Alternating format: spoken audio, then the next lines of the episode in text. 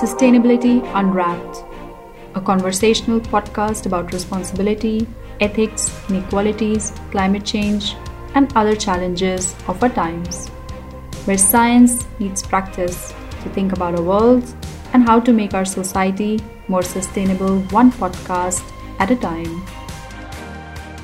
So, welcome to this episode of the Sustainability Unwrapped podcast brought to you by Hanken School of Economics in Finland.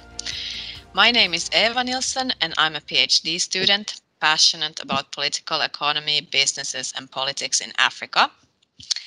And today we are here to discuss a very timely topic the Black Lives Matter movement and how slavery and colonialism still matters for Western businesses.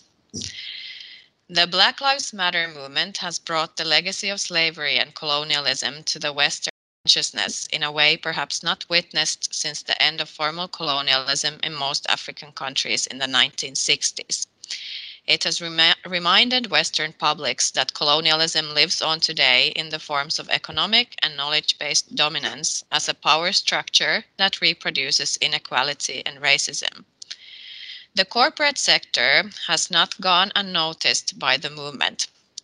On one hand, activists, at least in the UK, France, and the US, have demanded businesses that can be traced back to slavery for reparations and formal apologies. In the UK, the insurance company Lloyds of London, the banks HSBC, Barclays, and Royal Bank of Scotland in the US, the banks JP Morgan, Bank of America, and the clothing retailer Brooks Brothers. And in France, AXA Insurance Company, Banque de France, and the maker of Hennessy Cognac have been pointed fingers at. On the other hand, many large multinationals such as Amazon, Apple, Facebook, and Coca Cola have endorsed the Black Lives Matter movement and marketed their diversity strategies in order to profile themselves as responsible corporations. In light of these recent developments, we are here today to discuss how and why slavery and colonialism still reflect on Western corporations and what steps should be taken towards decolonization. And I'm very happy to have three distinguished academics with me today. They all have researched colonialism and its different expressions in today's world. First, we have Stella Nkomo, who currently holds the position of Strategic Professor in the Department of Human Resource Management at the University of Pretoria and is the President of the Africa Academy of Management. Professor Nkomo is a noted scholar in the areas of leadership and change, diversified workforces, and women and leadership, and the author of several books and articles. She has also been awarded for her lifetime achievements in Africa's most influential women in business and government awards. Then we have Professor Bobby Banerjee joining us from Cass Business School in London, where he is Professor of Management. Professor Banerjee's primary research interests are in the areas of sustainability, climate change, and corporate social responsibility, combined with indigenous, post-colonial, and cultural studies and the study of globalization. He has published extensively in leading academic journals. And finally, we have Holger Weiss, who is currently serving as professor in general history at Åbo Akademi University in Finland. His research focuses on global and Atlantic history with a special focus on Nordic colonial aspirations in Africa and the Caribbean. He has also researched international labor movements, West African environmental history, and the history of Islam in Ghana. Um, and to start this discussion, we will uh, have a brief dive into history and ask Professor Weiss if you could tell us how and maybe also which corporations were involved in slave trade and colonialism. Please, the uh, the uh, floor is yours, Professor Weiss. Thank you. Uh, this is, of course, tackling a, a topic uh, that stretches over 500 years uh, in a few words is, is almost impossible. But let's let's see. Let's the, the kind of the basic line is that maybe uh, look at the global history of slavery, uh, it opens up the doors to racism, segregation, and discrimination. That's kind of the, the general outline, and that kind of forms uh, still affects us today. And that would be kind of the, the very short outline. When we think of corporations uh, engaged in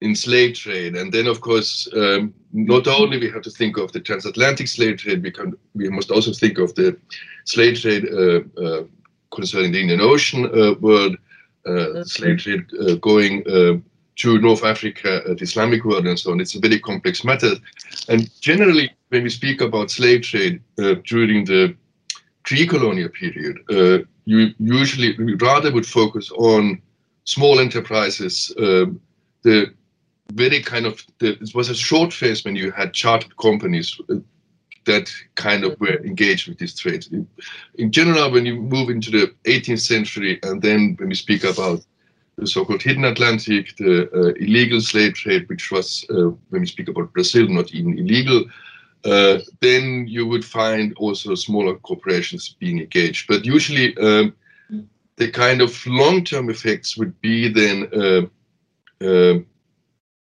slave traders investing their uh, money somewhere else. Uh, you would find uh, big slave plantation owners who would invest the, the, fortunes they would have made out of these plantations back home in Britain or other areas. And that would then be the link, but that you can could follow up. but then kind of there's a breaking point in a sense when you, when you start to focus on the colonial period, where you kind of really what you see uh, is the effects of colonialism in a sense that, uh, and in, in, particular when we focus on Africa, is that um, apart from South Africa, um, during the colonial period, there was very little investment uh, in the African colonies in comparison with uh, investments in Russia, in North America, even South America, Australia, from Europe. Um, there was very little investment, uh, financial investment, uh, in terms of, of generate, generating a kind of uh, modern industrial sector, for example, or uh, modern transport sector. Uh, rather, you, you would speak about during the colonial period, the establishment of enclave economies, which mainly would fi- focus on either the mining sector or then uh, plantation sector of producing uh, raw materials like uh, palm oil, uh, groundnut oil, rubber, uh, cotton, coffee, cocoa, and so on. And there, of course, there are some well-known companies that are still existing today and that, that kind of have sometimes a dubious history, uh, especially when we speak about the engagement in this enclave sector, in the plantation sector, for example, or in the mining sector, like Firestone in Liberia, when we speak on uh, the rubber plantations, which really hit uh, the headlines during the 1920s and 1930s for the use of forced labor. Uh, earlier on, we had the well-known example of uh, the Congo Free State and the use of uh, forced labor, uh, and about up to 10 million people died out of uh, the so-called red uh, rubber boom um, at the turn of the 19th, 20th century. Then we, we, could list on and go on the link with uh, Unilever today and its background, uh, Lever Brothers, uh, but also meaning soap industry, but also then the margarine industry in Europe, uh, really kind of when you go now to the uh, grocery and buy Flora margarine, uh, that kind of would link you very closely back to raw material produced in, in Africa, which uh, for a very long time during the colonial periods uh, was linked to uh, the use of forced labor. So you could raise, I mean, Nestle would be a case, uh, would be a case. Um, um, so that's that kind of would be the short introduction, and where we really kind of could open up a, a the kind of the, the long-term history of uh, very few investments being done during the colonial period, uh, uh, the kind of uh, establishment of an enclave economy, uh, with mainly focusing on, on mining or, or then uh, plantations, but otherwise, I mean, we could really also make a case, case of that uh, all of these raw materials that were produced uh, were processed outside Africa. So they were processed in Europe. So kind of the the, the big uh, the wealth you made out of these these uh, uh, raw materials were never kind of reinvested back in Africa, but then were invested in Europe in whatever kind of uh, brands and so on. How would you uh, explain that Nestle, for example, that you raised as a case, uh, how exactly then, what was Nestle's form during colonialism? How can it be linked to colonialism? I mean, it's, it's, it's always we have to go back with because these are now big multinational companies, and it is the kind of when they merged during the the 1910s, 1920s, 1930s with previous companies that had been engaged in uh, cocoa plantation or coffee plantations and so on, uh, which would then be the link. And this is kind of it's it's it's a to my understanding a very complex issue because you really have to go back with with mergers of these kind of now big companies of which are the kind of companies that uh, were originally independent companies, uh, and but but but what's their engagement at let's say the end of the 19th century or the first uh, 20, 40, 20, 30 years during the 20th century. Right. And since you have also researched uh, Nordic um, is um, colonial aspirations, um, I'm wondering if you have examples of Nordic companies or entrepreneurs um, who have been active during colonialism. Um, well, the Danish case is the most well known because Denmark uh, had uh, trade uh, possessions in, in, West Africa, and they even uh, tried to establish a plantation plantation sector in, in on the Gold Coast in today's Ghana, which failed, uh, mainly due to environmental and political reasons. Uh, but there was a kind of aspiration to do so in in West in the West Indies, Danish West Indies, which was sold to the USA in in 1917, uh, you had uh, a plantation sector, especially on St. Croix, um, with about um, 300 uh, mainly sugar plantations. Uh, and of course, the, the, still existing Danish sugar company, uh, Danisco, which owns also the Finnish uh, sugar company, Suomen Sokeri, has its kind of background to that sector. So yes, you can open up these kind of, of, of, of links links too. Um, but if you have in mind, let's say, uh, Swedish engagements, uh, there was for brief period a Swedish West India Company, uh, which was established in 1786 uh, and existed until 1805, uh, which had the permission to engage in transatlantic slave trade, but never did so. They realize that it, it didn't have the capacity to do so. But you had private enterprises and merchants on St. Barthélemy, which was the Swedish colony in the West Indies, which uh, engaged in, in the slave trade. So it was not the company itself, but it was uh, private, uh, mainly, mainly one person enterprises, which uh, do not exist anymore uh, and kind of uh, very difficult to, to, kind of to do research on because they, they haven't left any archive. Right, thank you. Um, I think these Nordic possessions often go under the radar because we're of course focused more on on the big colonial powers like France and, and the UK, for example, and then might forget that also uh, Nordics were involved and, and can be traced back to this time. So for all our Finnish and Nordic listeners, I think it might be interesting to hear that also these historical traces exist. I, I mean, you, you do have them, but then we, we move into the late colonial period. Let's say after the Second World War, you have uh, Nordic uh, companies, for example, example Swedish uh, uh, mining companies uh, being engaged uh, in Liberia, for example. The LKAB. Right. So, so that kind of, but it it it is has has to do also with the kind of economic history of the Nordic countries, which uh, why you do, wouldn't find kind of direct in, uh, involvement uh, during the 19th century. But thank you. Let's move on to discuss uh, also the forms in which colonialism still then lives on today um, after all those years from the times of slavery and, and the actual historical phase of colonialism. Um, let me ask first, uh, Professor Banerjee, um, you have written extensively about multinational companies in light of neo-colonialism and imperialism, and you have even used the term corporate colonialism when describing how corporations can disrupt state rule with the threat of violence. Um, could you talk us through an example of a situation where a Western corporation can be considered a colonial actor today? I said you, you can drop the professor. Bobby's just fine. Okay, uh, thanks. Uh, just yeah, I guess a, a, caveat before I start. Yes, I uh, I belong to a school formerly known as Cass Business School.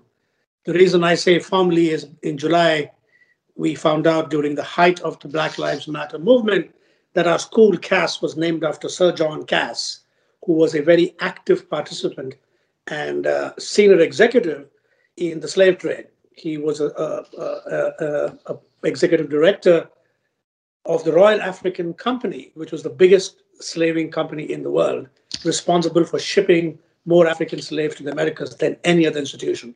So obviously, this has, uh, you know, produced shockwaves across, and we have we quickly dropped the name, and we are now looking to find a new name and also rebranding.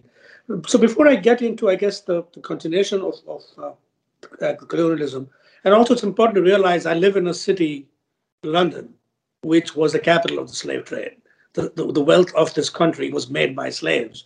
So a lot of institutions are very nervous because they're now looking at their sources of funding, and almost everybody has some connection especially in the city of London. So there's a, a, a lot of soul searching going on, which is good.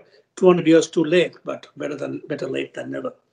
So I think if you talk about what kind of colonialism exists today in terms of corporate sector, it we, we should probably go back to to some history.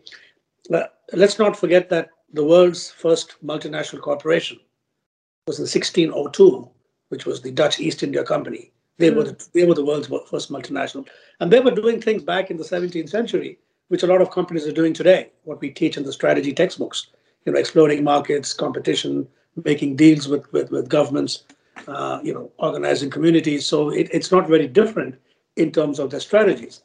And if you fast forward a couple of hundred years from that, there is the infamous case of uh, the uh, United Fruit Company in South America and the links with the CIA and the so-called banana wars, where there was state capture in Honduras, in Guatemala, in attempts in Cuba, in, in Colombia. So the links between foreign power, uh, intelligence agencies, big corporates, and then the links with local government has a, has a long and, and very troubled history.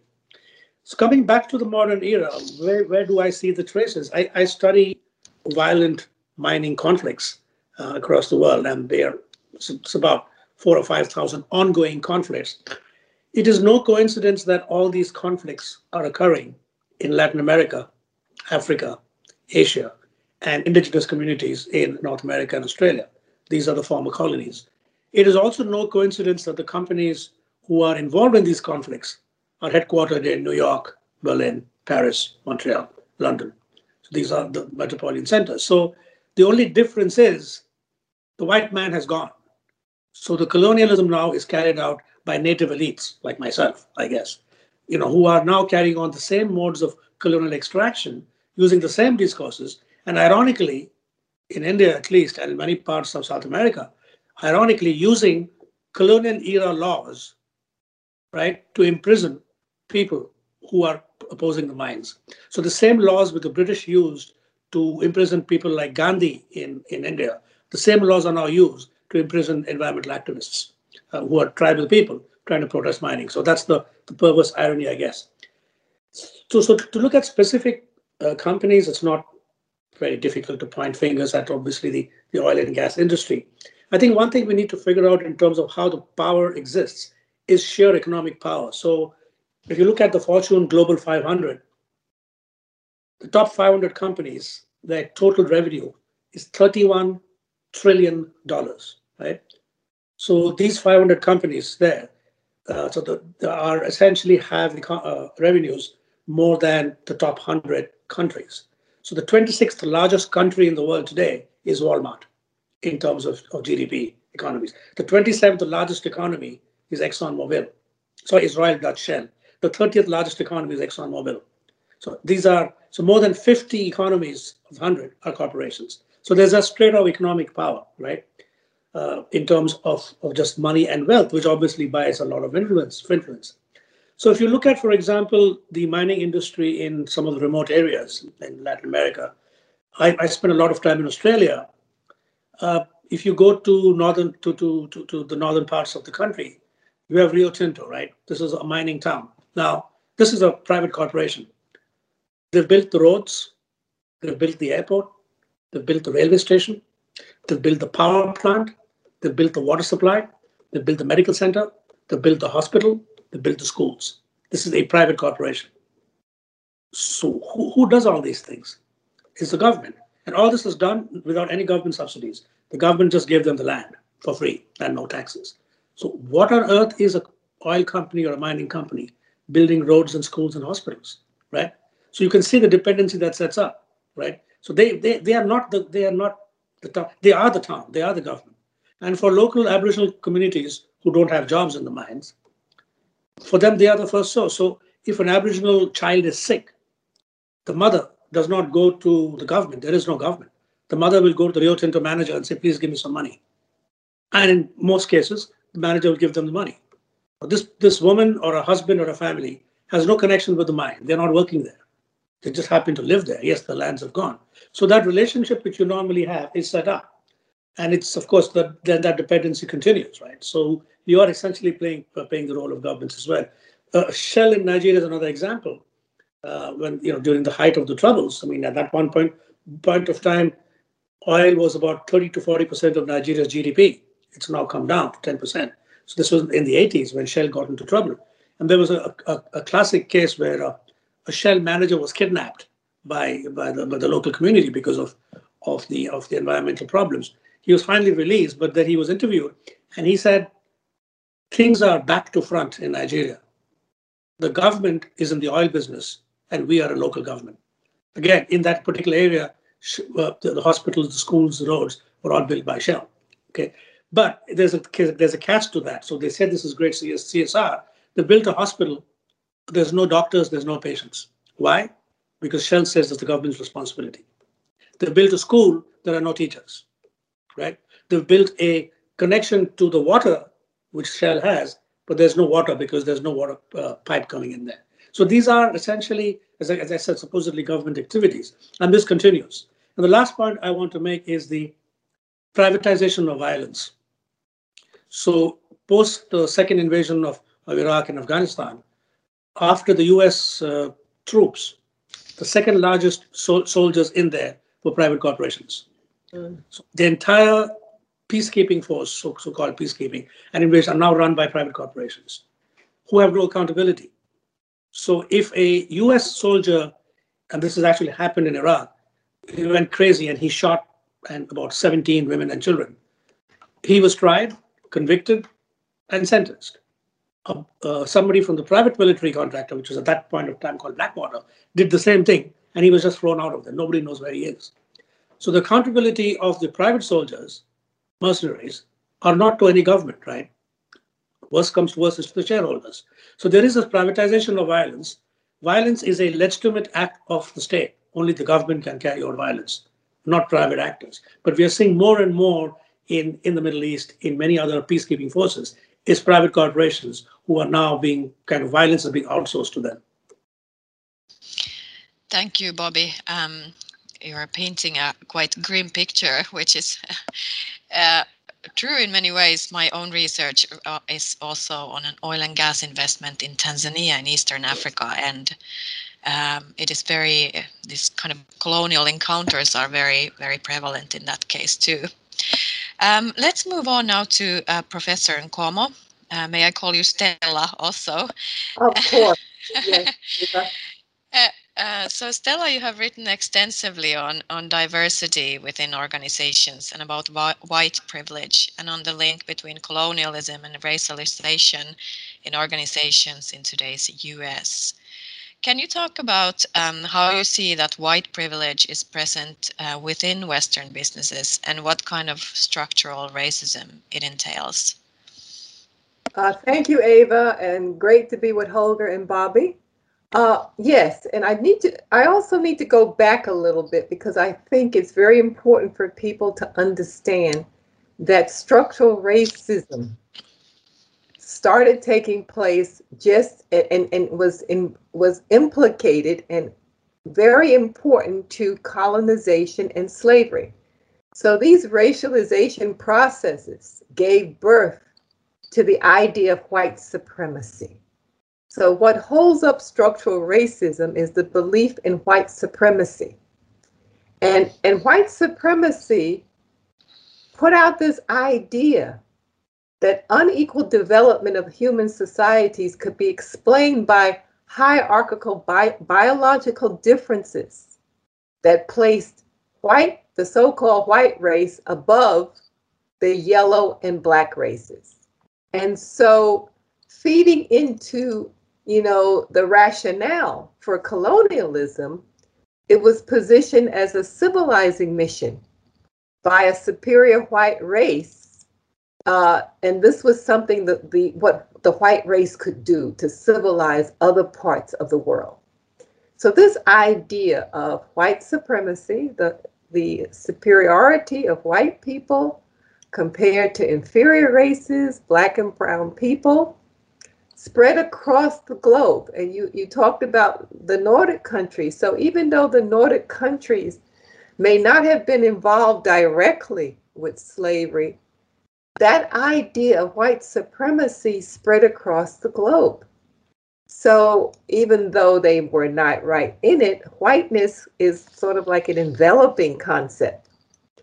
The second thing I want to make, and it was mentioned about the Dutch East India Company, that the structural racism could even be seen early, even in how they managed their businesses, how they handled the slave trade, and also in the industrialization area uh, era. If we go back to scientific management and we look at the management practices that were developing in the early uh, 20th century, the work of Frederick Taylor, there was already racism and the idea of white supremacy built into those practices. So, one thing I find very annoying, frankly, is that companies today with the Black Lives Matter, they seem to be discovering that, wow, we have structural racism. So that's kind of ironic because I need to say to them, it's always been there. Uh, we don't have time, but I would prefer refer readers to the work of Bill Cooke, uh, who has done a lot of work showing the connection of uh, management techniques to techniques used to manage slaves on U.S. plantations. A wonderful book by Roediger and Esch, The Production of Difference, where they talk about race management, how racial knowledge uh, informed management practices. So my point there is that his uh, structural racism has been around for centuries. But the interest today is in how does it manifest now? So even though companies seem to not be aware of it, it is there. So I would point to like three very observable manifestations, and I'll talk about the hidden ones. The first three I would point to which Bobby already alluded to. Western domination of the world's top corporations. And when you look at that, the top 10 countries with the most global 500 companies are in Europe and North America. Of course, we begin to see that China, South Korea, and Japan are also featuring on that list. But if you look at those, those, those companies, they mirror the racial hierarchy in terms of dominance. And the fact that those corporations are predominantly controlled by white male executives and boards.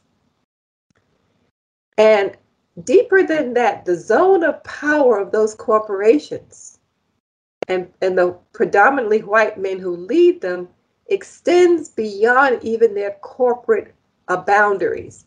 It goes into the norms and structures of international markets, as well as controlling capital markets. you know, your IMFs, your World Development Bank.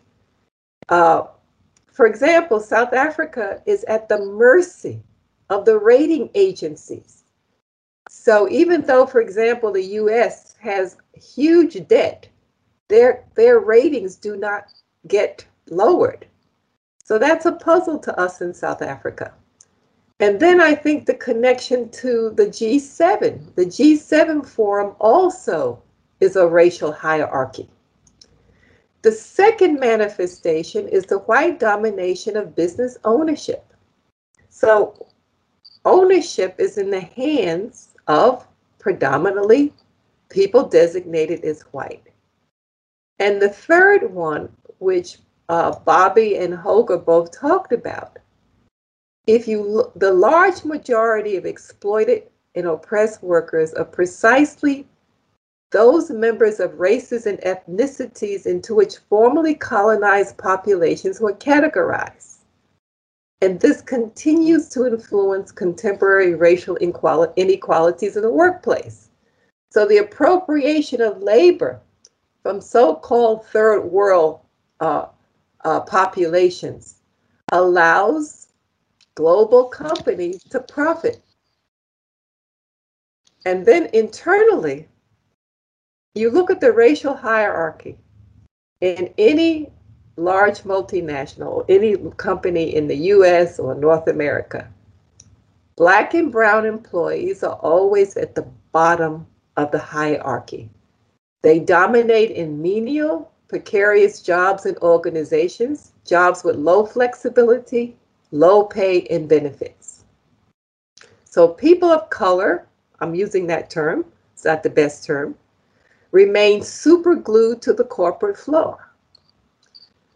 Think about it. In a recent study found that if you look at the five, the major indices in the UK, the US and Canada, only 5% of the CEOs are from ethnic minority backgrounds. None of the countries have any women CEOs from an ethnic and racial minority background.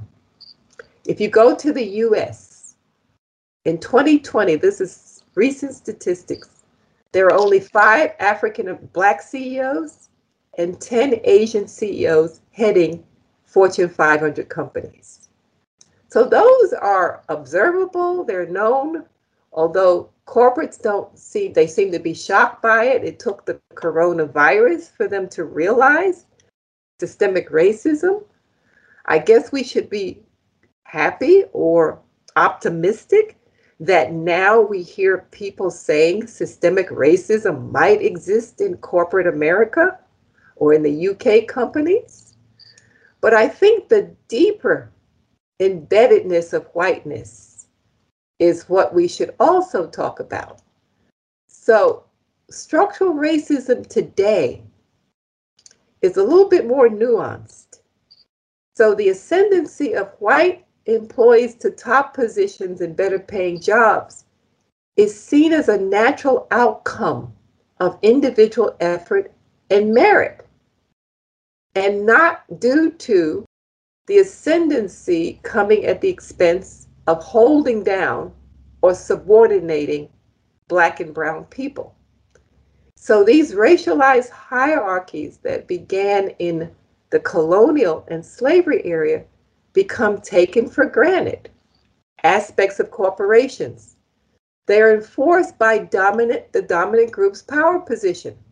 So any threat to changing the racial composi- composition of, of organizations or that hierarchy are met with resistance.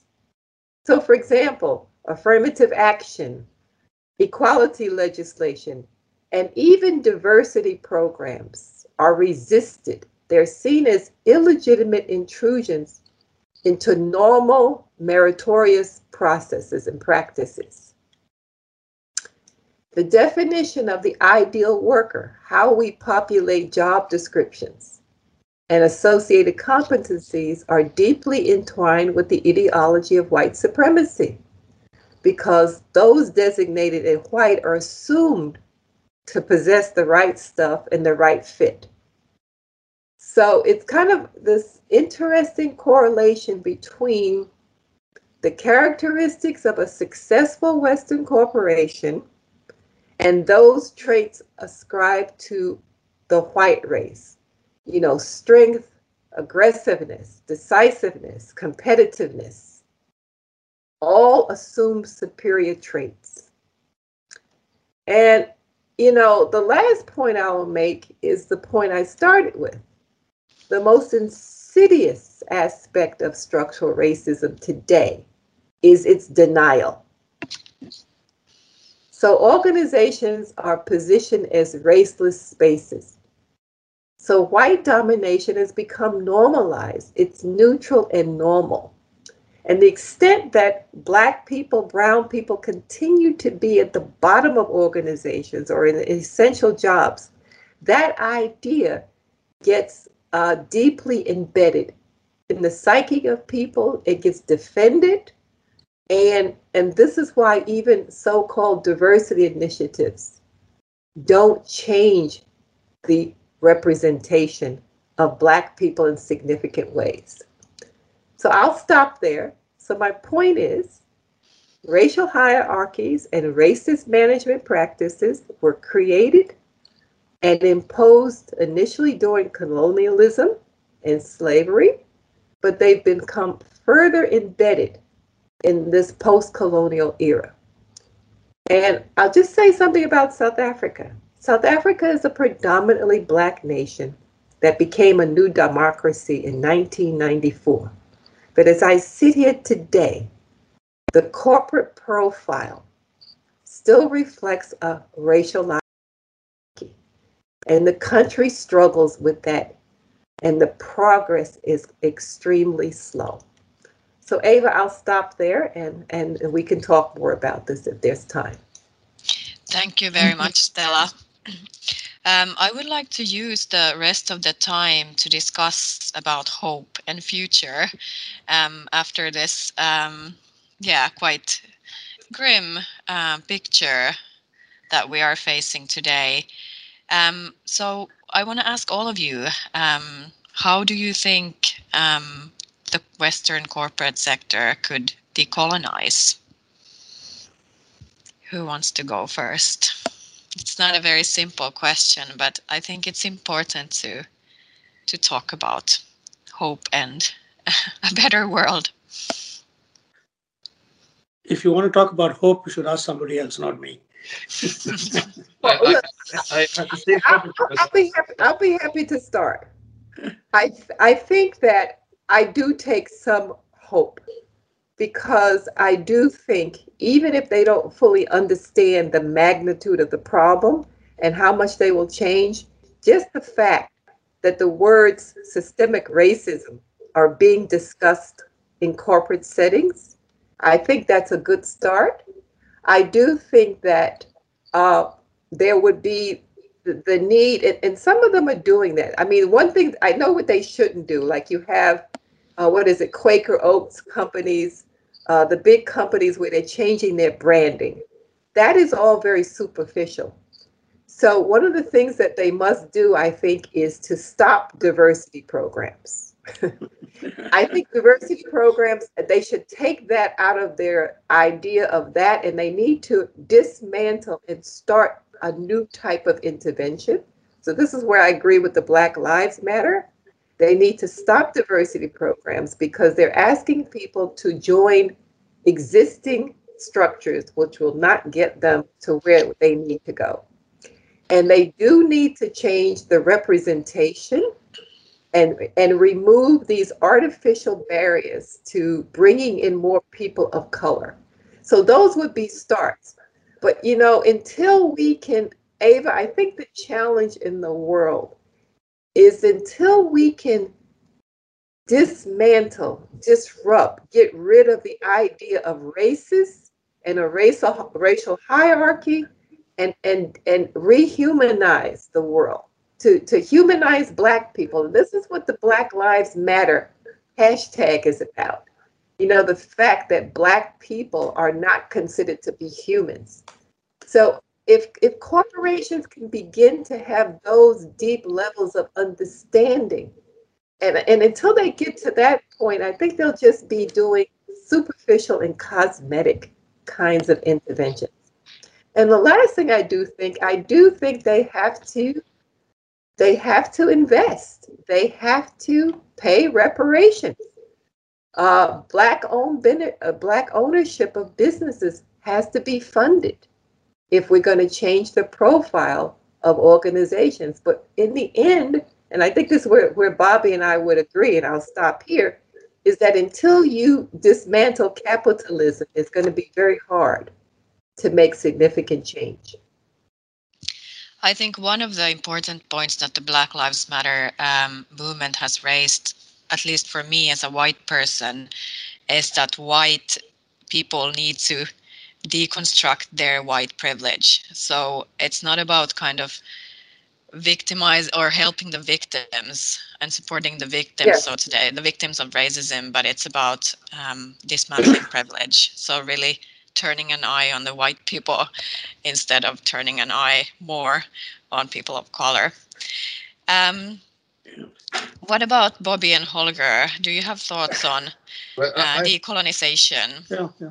Holger you go first yeah maybe maybe not decolonization i would more kind of uh, take up um, the word of Stella with the focus on capitalism and the question of a structure or enabling a structural change, which I see to be really the, the most important point here, because uh, and that's most the most difficult one, because when I go back uh, and, and kind of um, analyze um, and highlight the question of uh, at the moment when uh, the, the, abolition of slavery and the emancipation of slaves started, they will kind of see a root kind of structure that it was not the slaves that were compensated, it was the owners that were compensated.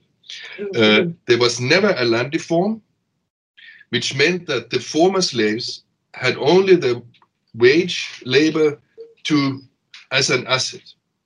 So, but you and you could never negotiate your, the wage that was negotiated by the employer. And we are still there.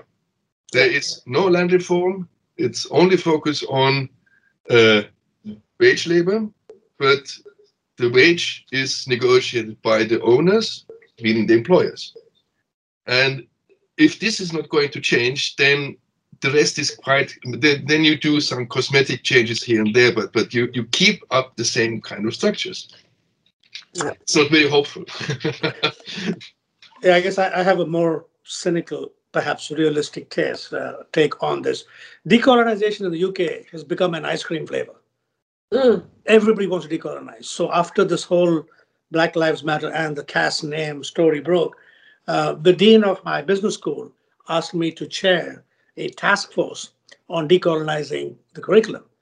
And I replied to him saying, I'm happy to do this, but if you read the literature, decolonizing, especially coming from Latin America, means uh, dismantling capitalism.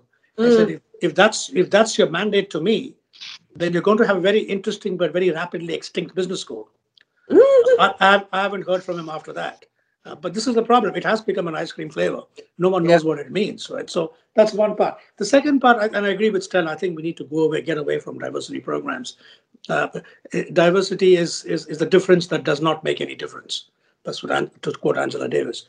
For me, the more the, the, the, the nefarious part, the more, uh, I guess, uh, insidious part is how people of color and black people are interpolated in this discourse.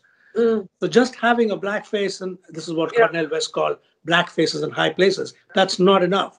You need yeah. to have the correct politics. Yeah. So let's not forget, Black Lives Matter started under a black president. It was under Obama that Black Lives Matter started because of, of, of, the, of the shootings of the black people. It did not happen under a white president, right? Secondly, in, in the UK, and I don't expect you to know the politics here, we have people of color black people in, in the cabinet. This is the most diverse cabinet in the history of the UK. It is a right-wing Tory cabinet, right? Mm. Most diverse ever. But the people in that cabinet, as I said, they might be black faces and high faces. We have a commissioner for the race and ethnicity disparities. He's a black person who yeah. believe there is no structural racism in the UK.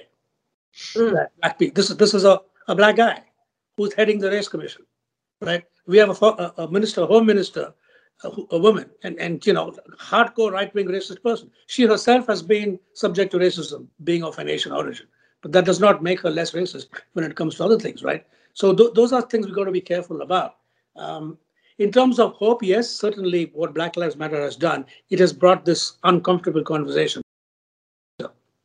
Uh, and there are some very economic issues, things like I think you mentioned in your in your note. Are this realistic in terms of reparations? Sure, they are. I mean, if you look at uh, the history of World War II, Ford Motor Company, they paid reparations to, to for they were directly implicated in the Holocaust, right? So Auschwitz was not run by the Nazis. Auschwitz was run by a German chemical company, a multinational chemical company, which still exists today, by the way.